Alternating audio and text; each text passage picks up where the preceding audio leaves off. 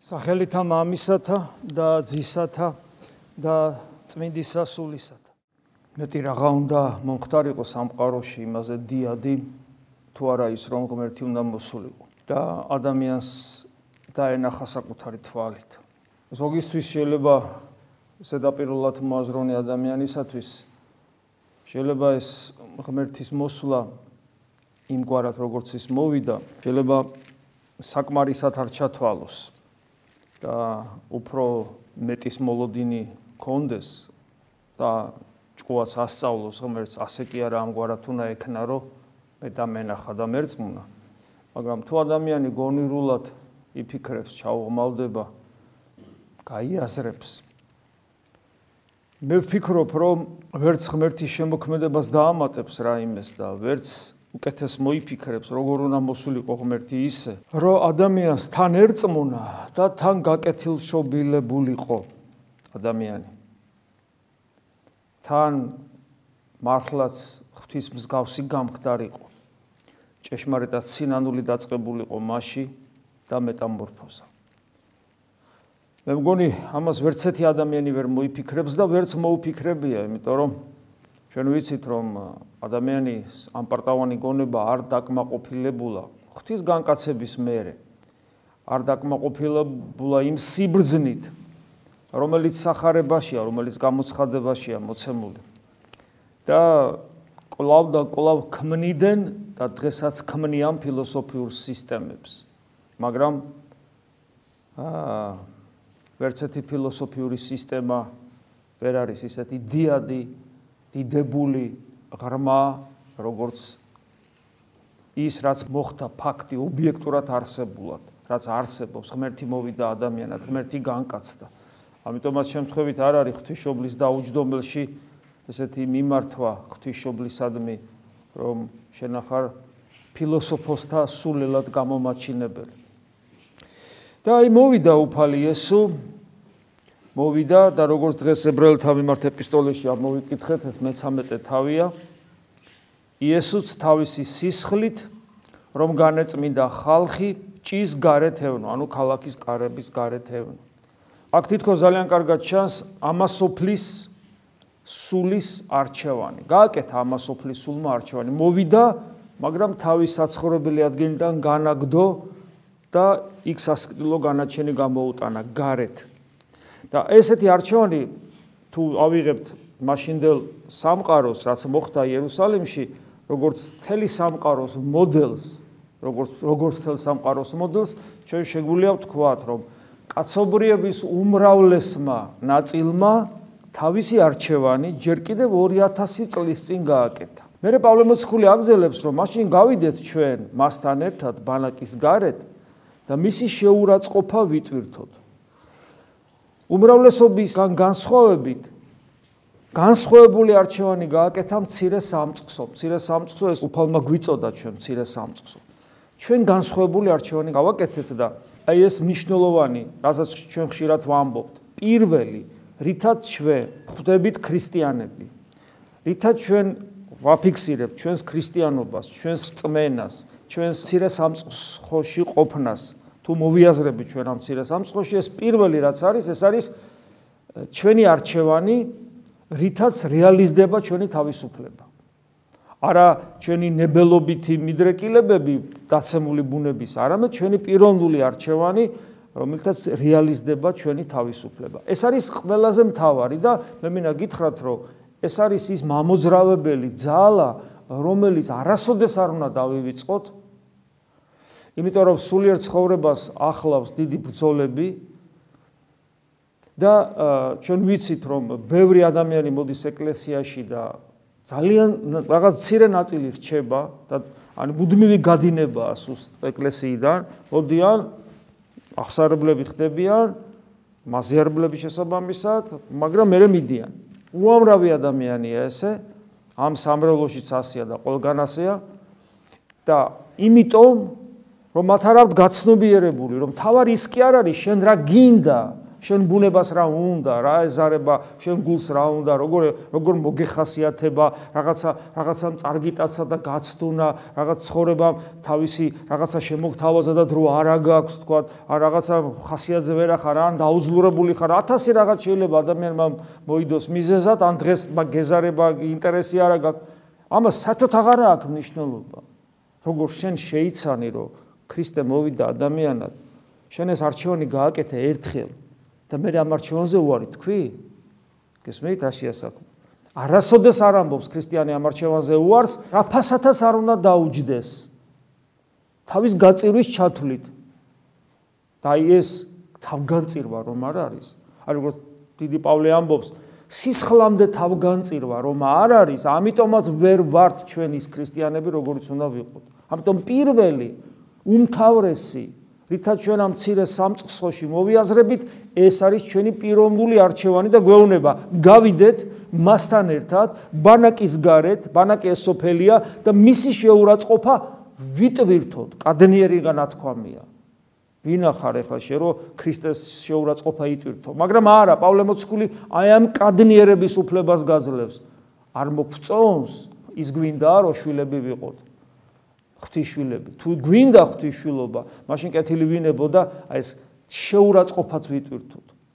და აი ეს კეთება ჩვენი არჩევანი. მე მინდა რამდენჯერმე დღეს დავესესხო აი დიდ მამას ანტონი დიც, რომლის ხსენებაც დღეს არის და მის დიდებული ხატი აქ ბზანდება, ხედავთ. და აი მასთან დაკავშირებით ანტონი დიდის ამონარის ციტატას აიკითხავთ. აქ ყველა ეს ციტატა ედი შერჭელიძეს ნათარგმნია. ღმერთმა უფლება მოსილება მისცა ადამიანს ნახე ღმერთმა აი ადამიანი ვინ ახარ გუში საერთოდ არ იყავი ცოტა ხანში საერთოდ არ იქნები. ვის დარჩენი ხარ ვინ ახარ ამ სამყაროში საერთოდ რა ხარ და უცებ ყოფიერების შემოქმედმა უფლება მოსილება მისა ადამიანს და აქ იგულისხმება თლიანად ადამიანი კაცობრიობას და კონკრეტული ადამიანის უფლება მოსილება მისა ადამიანს კეთილისა და ბოროტისა რომელიც ძალიან ცუდად გამოიყენა ადამიანად, დღემდე ცუდად იყენებს, მაგრამ ეს უფლება მოსილება მოგცა, მიანიჭარა მას ცოდნა, ცოდნა, რომ განეჭვრიტა ქვეყნიერება და ყოველივე რაც მასშია. ამიტომ ვინც ამბობს, რომ ღმერთი არ არის, ის ცოდავს ღვთის წინაშე, როგორც პავლე მოციქული ამბობს, იმიტომ რომ სამყაროში ყველაფერისია დაალაგებული, რომ მიხვდე, რომ ღმერთი არის. და ამ გზით რო განეჭვრიტა ქვეყნიერება და ყველაფერი რაც მასშია, ამ გზით შეეცნო იგი, ვინც შექმნა ყოველივე ადამიანისათვის. პავლე მოციქულის რომელთა მიმართ ეპისტოლეს სიტყვების გამოძახილია ეს. მაგრამ ძალუც ძალუც ადამიანს უღირს თან უღირსობის შემოაკეს დახასიათება, რომ სურვილისაებ, ანუ თუ მას სურს არ შეიცნოს ღმერთი. ნახე, ადამიანს რომელსაც ღმერთი არ ასწამს, ეს მისი უძლურება კი არ არის უბრალოდ. ეს არის მისი უღირსების გამოვლინება, უღირსების გამოვლინება და მას სულს რომ ღმერთი არ იყოს. ანუ ადამიანს რომელსაც ღმერთი არ სწამს, ასეთ ადამიანს სულს რომ ღმერთი არ იყოს, აბა გაიხსენეთ, რამდენჯერ ყოფილა თქვენ ცხოვრებაში თუ თქვენ თავს მეტაკლებად იცნობ და გიფიქრიათ რომ ღმერთი ღმერთი არ იყოს, მე ვიცი რასაც ვიზო. ერთი ღმერთი არ იყოს რა. თითქოს აი თითქოს რომ შენ დაცემულ ბუნება, აი ღმერთი რო არ იყოს რას ვიზავ. გესმის აი ეს ეს ეს მომენტი დაფიქსირებული, გამყარებული და როგორც მოცემულობა აქვს ათეის. მას ღმერთი არ უნდა. მესი სურვილია რომ ღმერთი არ იყოს. სურვილისაა არ შეიცნოს ღმერთი. რადგან ნება აქვს მას, რომ არ სწამდეს თავსაც იუბედურებდეს და ჭეშმარიტების საწინააღმდეგოსაც ფიქრობდეს. დიახ, ესოდენი უფლება მოსილება აქვს ადამიანს, კარგისაც და ცუდისაც. ძალიან საინტერესო ესეთი გულში ჩამწლომი სიტყვებია დიდი ანტონის. მე პავლე მოციქული აგზელებს. ჩვენ აქ არა გვაქვს მკვიდრი ქალაქი, ანუ სამყოფელი. თითქოს გამბუდევნეს. არ გვინდი ხარა წადი აქედან ქრისტეს უთხრეს, ჩვენც მასთან ერთად უნდა გავიდეთ უკვე ჩვენი ნებით და მისი შეურაცხყოფა ვიტვირთოთ, მაგრამ ნუ გვეშინია, იმიტომ რომ ჩვენ აქ სამყოფელი არა გვაქვს. არამედ მომავლის ქალაქს ვეძებთ, რომლის ხუროთ მოძღვარი მე სხვაგანი წვის პავლე მოციქული თავად ღმერთია. და აპოკალიფში ვიცით ეს სიმბოლური სახე, ზეციდან როგორ ეშვება იერუსალიმი.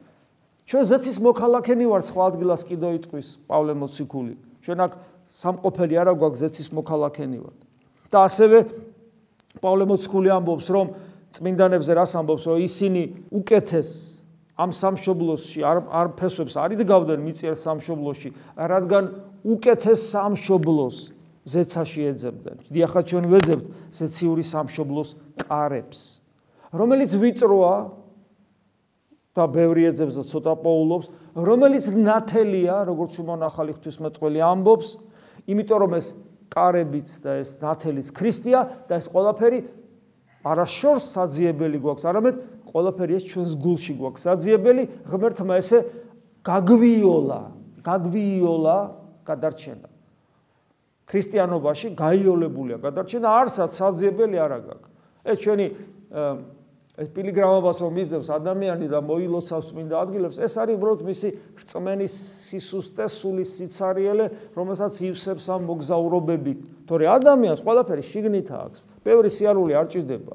არის ეკლესია, არის ზიარება, არის სინანული და ყველაფერი შიგნით. შიგნით არის საძიებელი. იქიდან არის გასასვლელი მარადისობაში. ახაც მინდა ავტონი დიდი სიტყვები მოიყვანო. ადამიანს შეუძლია შეერთოს ღმერთს. რადგან რაჟამს ადამიანი ინებებს რა შეიმეცნებს, ირწმუნებს და შეიყვარებს ღმერთს ღირსეული მოღვაწეობის შედეგად მისი თანამესაუბრე გახდება აბრამის მსგავსად. აბრამი როგორც კაცი კაცის ელაპარაკებოდა ღმერთს და თითოეული ადამიანს, თითოეულ ადამიანს შეუძლია ამის გაკეთება. ჩვენ ასე არა ვართ? არა ვართ. მაგრამ ეს ჩვენ ძალიან უნდა გვაწუხებდეს. ჩვენი ლოცვა არ არის დიალოგი, მონოლოგია, უკეთეს შემთხვევაში თორე ხშირად მონოლოგი არ არის, იმიტომ რომ ჩვენ თვითონაც არ გვესმის რას ვამბობ და თუ გვაწუხებს რომ არა გვაქვს დიალოგი, ეს წუხილი იმდანაც ძლიერი უნდა იყოს, რომ ამან მოსვენების საშუალება არ უნდა მოგცეს და ღმერთი ამას ხედავს და დაინახავს. იმიტომ რომ ჩვენ შეგვიძლია, შეგვიძლია შეუერთდეთ ღმერთ, როგორც ანტონ დიდი ამბობს და თანამოსაუბრე გავხდეთ. აი აქ გამოჩნდა, რომ არა მარტო არჩევანი უნდა გავაკეთოთ, არამედ ვეძებოთ, ვეძებოთ ჩვენი ზეციური სამშობლო ძიების პროცესში უნდა ვიყოთ და ჩვენ უნდა ვსურდეს ღმერთთან დიალოგი. ღმერთთან დიალოგი მუდმივად. და შემდეგ ანტონ დიდი კვლავ აგზელე, პავლე მოციქული კვლავ ამბობს.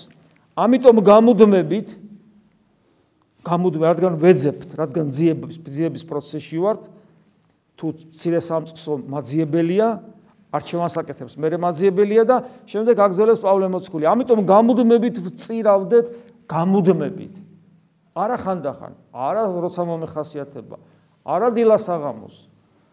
არა წირვის დროს, არამედ გამუდმებით წირავდეთ ღმერთს ქების მსხვერპლს, ანუ ბაგეთა ناقობს, რომელიც აღიარებენ მის სახელს. ვიცით რომ ნამეტნავისაგან გულისა იტყვის პირი, ბაგეთა ناقოფი ნიშნავს იგივე გულის ناقობს, უფლის სიტყვების მიხედვით და ეს არის ქების მსხვერპლი, ანუ რამეს კი არ ვთხოვ, მიხარია რო ხარ ღმერთო. ეს არის ქების მსხვერპლი. და ეს გამუდმებით. ალტონ დიდი როგორ ამბობს? გვმართებს გულმოდგინება იმის გამო, რომ დაუდუმებელი ბაგეებით მოუკლებლად ვმადლობდეთ უფალს. დაუდუმებელი ბაგეებით, ანუ გულით, იმიტომ რომ კიდევ ვიმეორებ, ნამეტნავისაგან გულისა იტყვის პირი. მოუკლებლად ვმადლობდეთ უფალს. ეს ფაქტობრივად, ესე იგი არჩევანი რო გავაკეთე და მე მუდმივ ძიების პროცესში რო გადავედი, ესე იგი ფაქტობრივად ეს უკვე ისიქაზმზეა მოწოდება, ანუ შინაგან ეს არის შინაგანი მდგომარეობა, ამიტომ ადამიანს გამუდმებით სხვანაირად არ შეუულია ღმერთის დიდება და მადლიერება, ეს არის ისიქასტური მდგომარეობა, როცა ადამიანში ეს არ წყდება არასოდეს, გამუდმებით და მოუკლებლად. შემდეგ აგზელებს პავლე მოციქული. დაემორჩილენი თქვენს წინამძღვრებს და ქედი მოიდრიკეთ მათ წინაშე ვინაიდან ფხიზლობენ თქვენი სულებისთვის, ფხიზლობენ თქვენი სულებისთვის, საინტერესოა ფხიზლობენ. თქვენ თონი ფხიზლეთ, რას გჭირდებათ? ვისთვისაც მოძღვართან ურთიერთობის საიდუმლოება გახსნილა, მან ძალიან კარგად იცის, ძალიან კარგად ხვდება მოძღვრისა და სულიერიშვილის ურთიერთობის მნიშვნელობას და გიორგი მთაწმინდელის მსგავსად მას შეუულია თქვას, რომ მოძღვრის გარეშე ვერავინ გადარჩება. ეს გიორგი მთაწმინდელის სიტყვებია. აქედან გამომდინარე, აი ეს სიტყვები გასაგები ხდება.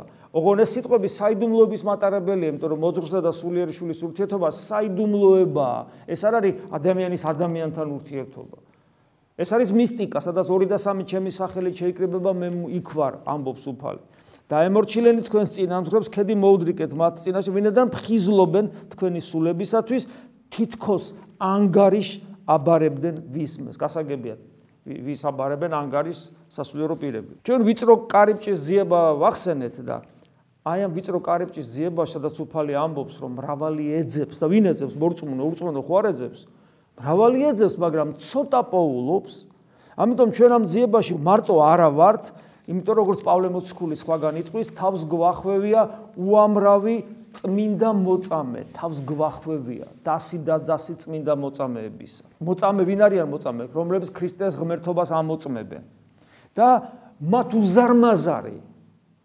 ანტონ დიდი ეთეთია ხო დღეს ვის ხსენებაც არის. მათ უზარმაზარი გამოცდილება დატოვეს ეკლესიაში რომელსაც ჩვენ და ვკითხულობდეთ ამიტომ ვინ წმინდა მამებს არ კითხულობს და მე სულ აწყდები მიუხედავად იმისა რომ ამას სულ ლაპარაკობ პერიოდულად ჩნდებიან ჩემს სახსარებლოში ადამიანები, საუბრიზოს, რომელსაც აღმოჩნდება, რომ არ კითხულობენ წმინდა მამებს. ვეკითხები, კი არა, არ მიკარგვი თქვავს, არ გაგვიგია, ნუ არ კითხულობენ და მორჩა. ვინ წმინდა მამებს არ კითხულობს, ის უარს ამბობს აი ამ უზარმაზარ გამოცდილებაზე, რაც დატოვილია და გამოცდილება ვისთვის არის და ვისთვის წერდნენ წმინდა მამები, შენთვის და ჩემთვის წერდნენ. სხვას არავისთვის, ჩვენთვის წერდნენ. აბა ურწმუნოსათვის კი არ წერდნენ. უზარმაზარი გამოცდილება დატოვეს და მათ მორჩილებს ვინც კითხულობს და მათ უჯერებს ღმერთი ხილულ მოძღვარსაც მიანიჭებს. ამიტომ ადამიანი რომელსაც მოძღვარი არ აყავს ერთ-ერთი მთავარი მიზეზი არის ის, რომ მას არ სურს მორჩილება და საიდან ჩანს, რომ არ სურს მორჩილება? ის თავნება და თვითნებაა სულიერ ცხოვრებაში. წმინდა მამებს არ კითხულობს. ანუ ეკლესიის გამოცდილება არ აინტერესებს. 2000 წლოვანი გამოცდილება არ აინტერესებს ეკლესიის. ანუ როგორ ცხონდეს, ეს არ აინტერესებს და მოძღვარს როგორი პოვის? ის იპოვის ღდელს, რომელსაც ახსარებებს ეუნება და ისიც იმას ეუნება, რას თვითონ აწყობს, იმას დაუჯერებს, რას თვითონ აწყობს, ისე მივა ბარძიმზე, როგორც თვითონ უნდა. ხო და მე რო გარდაიცვლება რამდენად ვარ დარწმუნებული, რომ ესეთი ადამიანი ქრისტესთან იქნება, იმიტომ რომ ქრისტესთან რომ მიხვიდე მისი მსგავსი უნდა იყოს. გესმით რა შეასაკ. ამიტომ თუ ადამიანს არ აინტერესებს ეკლესიის გამოცდილება, მას მოძღვარი არასოდეს არ ეყოლება. ხილულად რომ წყავდეს. რომ მოძღვარი ეს არის ვისაც ემორჩილები, შენი მორჩილება მოძღვარს განაწყობს, რომ შენზე იზრუნოს. და მე პავლე მოციქული ნახე როგორ ამბობს, რათა სიხარული მოძღვრები აღასრულებდნენ ამას, ანუ თქვენს თქვენზე ზრუნვას და არა ოხრით, რადგან ეს აღარას გარგებთ თქვენ. ოხრით იონეს სინელი საერთოდ განსაცვიფრებელ რამეს ამბობს. მოძღვრის განაწყენებას ჯობია ღმერთი გაანაწყენო. ეგეთ რამეს საოცარ რამეს ამბობს. და მე ხსნის რატო? თუ ღმერთს გაანაწყენებო მოძღვარი მეოხი იქნება შენიო, მაგრამ თუ მოძღვარს გაანაწყენებო ღვთისინაში მეოხად ვიღა დაგიდგებო. უცნაური რამეა. უცნაური, ალოგიკური ერთის ხრივ, მაგრამ ძალიან საინტერესო და დამაფიქრებელია. ჩვენთვის კარგია, როცა მოძღვარი სიხარულით აღასრულებს თავის ზრუნველობას ჩვენზე და არა ოხრით, რომ არ შველის ამ ადამიანს არ. მის მისი პატივო მოყარეობა, მისი სიამაყე, მისი ურჩობა, მისი ამპარტავნება, მისი უსიყვარულობა, მისი გულგრილობა, მისი უდარდელობა, მისი ეგოიზმი, აუღებელი ციხესიმაგრე რო ხდება. გესმით? უკვე ნუ როცა როცა უზარმაზარი ენერგია მეაქვს, მაგრამ სულ ტყვილა, გესმი? სულ ტყვილა. და ეს არას გარგებ თქვენ და ეს ნიშნავს, რომ ჩვენ მოძღვრებთან ურთიერთობაში დიდი პასუხისგებლობით ვიტვირთებით, ძალიან დიდი პასუხისგებლობით. ანტონ დიდი სიტყვები ვინა ამასთან დაკავშირებით, ანუ პასუხისგებლობა პასუხისგებლობა კიდევ ერთ-ერთი აუცილებელი პირობა გამოცდილებასთან ერთად პასუხისგებლობა რომელიც ცირე სამწყსოს უნდა გააჩნდეს. ანტონ ლიდი ამასთან დაკავშირებით ამბობს ადამიანის შემქმნელად ადამიანის შემქმნელად უნდა ითქვას ის ვისაც ძალუც უსწავლელთა მოთვინიერება რომ სწავლებანი და განათლება შეიყვარონ მათ ამ სახითვე ისინიც რომლებიც ცხოვრების წესით აღვირახსნილებს ცხოვრების წესით აღვირახსნილებს. სათნოებითი და ღვთისათვის სათნო მოქალაქეობისაკენ წარმართავენ ადამიანის შემქმნელებად უნდა ითქვან. როგორც ადამიანების ჩამოყალიბებლები ანუ მოძღვარს წარმოაჩენს ანტონი დიდი როგორც ადამიანის შემქმნელს, იმიტომ რომ ეს ადამიანი აღვირახსნილი ცხოვრობით ცხოვრობდა და ადამიანს დაემსგავსა. ანუ მოძღვარი თანაშემოქმედია ღმერთთან ერთად, რომ უსჯულო არსებისაგან ადამიანი შეიქმნას. აი ესე დიდ დატვირთვას და პასუხისგებლობას აძლევს წმინდა ანტონი დიდი მოძღვარს. არანაკლები სიტყვებია ეს, ვიდრე იონეს სინელის. და კიდევ აგზელებს ანტონი დიდი საინტერესოდ. ისინი რომლებსაც უმძიმთ შეიცნონ სასარგებლონი და სიკეთით თქმულნი ჩანს ჯანსაღად არ არიან ანუ ვისაც არ ესმის ღვთის სიტყვა და ვერაფერს ვერ აგებინებ ჯანსაღი არ არისო რა სხვა ადგილას ამბობს რომ არაზრუნებს ანტონ დიდი ამბობს იმათ კი რომლებმაც შეიცნეს ჭეშმარიტება მაგრამ მაინც მაინც ურცხვად კამათის მოყარეობენ. ეს არის წეღარაც თქვი. შეიცნეს აქარიან თითქოს ეკლესიის წიაღში, მაგრამ თავის სიამაყით, პრეტენზიულობით, თავხედობით, თავნებობით, ქრისტეს გარდა რო სხვა რაღაცა უნდა ეკლესიაში. ეს არის ყველაზე მნიშვნელოვანი. ეკლესიაში ხო არის? მაგრამ ქრისტე ხო არის ეკლესია? ქრისტე ხო მზესავით ანათებს? ხო არაფერი აღარ უნდა ჩანდეს. მაგრამ რაღაცა უნდა კიდე რა. აი ქრისტეს გარდა რაღაცა უნდა. პრეტენზიულობაში, რომელიც ვლინდება, სიამაყეში, ეგოიზმში. აი ამაზე ლაპარაკობს. და ესეთი ადამიანები, რომლებმაც შეიცნეს ჭეშმარიტება, მაგრამ მაინც ურცხვად კამათის მოყარეობენ, აზროვნებითი ნაწილი აქვთ მკვდარი, ცუდი დიაგნოზი. და გაპირუტყვებულია მათი ზნეობა, საშნელი დიაგნოზია დასმული. არიციან მათ ღმერთი და არც თუ მათი სულია განათლებული. პავლე მოციქული აგზელებს ხოლო მშვიდობის ღმერთმა დაესრულყო თქვენ და აი ეს კიდევ ერთი მნიშვნელოვანი რომ სრულყოფილებისაკენ უნდა მივილტოდეთ სრულყოფა იყავით სრულ როგორც თქვენი ზეციური мама ასრული ანუ მცირე სამწყსოს ერთ-ერთი თვისება არის ის რომ არასოდეს არ კმაყოფილდება მცირე სამწყოს წარმომადგენელი მდგომარეობით რომელშიც ის იმყოფება მუდმივად უკმაყოფილოა უკმაყოფილოა თავის მდგომარეობით მუდმივად უკმაყოფილოა თავისი ღმერთთან ურთიერთობის ხარისხით და მას უმეტი მეტი მეტი მეტი უნდა ეს არის ერთ-ერთი საფუძველი რომ იგი იზრდებოდეს ანუ სრულყოფილება უნდა მას რომელიც არიცის რა არის მაგრამ მას ეს უნდა ინტუიციურად და სულ ყოველთვის აი აქეთკენ ისრაფის. და ასევე აგზელებს პავლე მოციქული, რათა მისი ნებისაებრ აღვასრულოთ ყოველი კეთილის საქმე. აქ ლაპარაკია ღვთისნებაზე. ღვთისნებისაებრ აღვასრულოთ ყოველი კეთილის საქმე. ესე ძალიან მნიშვნელოვანია. ესე შუყოფილებასთან ერთად ჩვენ უნდა გვინდოდეს ღვთისნების აღსრულება და სიკეთე, სიკეთე ამ შემთხვევაში. ნებისაებრ აღვასრულოთ ყოველი კეთილი საქმე ნიშნავს იმას, რომ სიკეთე მხოლოდ ის არის, რაც ღვთისნებასთან თანხვედრაშია. რაც ღვთისნებასთან თანხვედრაში არ არის, ის სიკეთე არ არის. ამიტომ თუნდაც ადამიანზე ზრუნავდი, აი პეტრე ზრუნავს ქრისტეზე, რომ შენი ჯვარსმან უიქნება უფალო და არ იყო ეს სიკეთე, პირიქით ეშმაკის საქმე იყო. გესმით? აი ეს ეს ძალიან მნიშვნელოვანია, რომ გვახსოვდეს. როცა ჩვენ რაიმეს ვაკეთებთ, უნდა გვახსოვდეს, კონტროლს უწევდეთ საკუთარ თავს.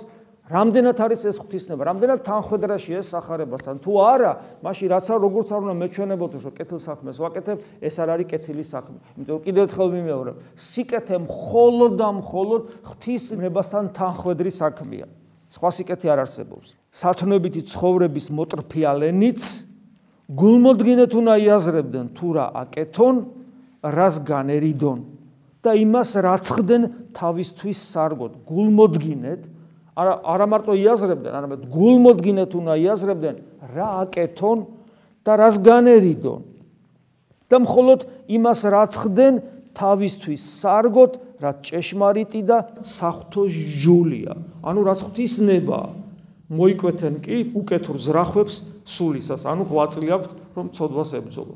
კიდევ ერთხელ პავლე მოციქულის და დიდი მამის ანტონ დიდის მიხედვით კიდევ ერთხელ ეკლესია გვაძლევს საშუალებას თუ გავიაზროთ, რას ნიშნავს, რომ ჩვენ ქრისტიანები ვართ, რაზე უნდა იყოს აქცენტირებული ჩვენი ცხოვრება, რომ ცირე სამწყსოში ვიმყოფებოდეთ და საბოლოო ჯამში უფალთან ერთად მარადისობა დავიმკვიდროთ ამინ. მადლი უფლისა ჩვენისა იესო ქრისტესი და სიყვარული ღმრთისა და მამისა და ზიარება სული საწმინდისა იყოს თქვენ ყოველთა თანა.